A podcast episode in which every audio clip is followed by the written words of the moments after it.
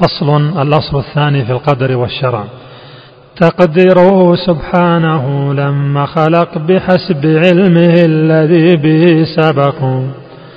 كما اقتضته حكمة الجليل عرف به القادر يا خليلي علم كتابة مشيئة كذا خلق له مراتب وحبذا. صبر على المقدور والمأمور كذاك ترك الخبث المحظور. واعلم بأن الحق في الأسباب تأثيرها عند ذوي الألباب.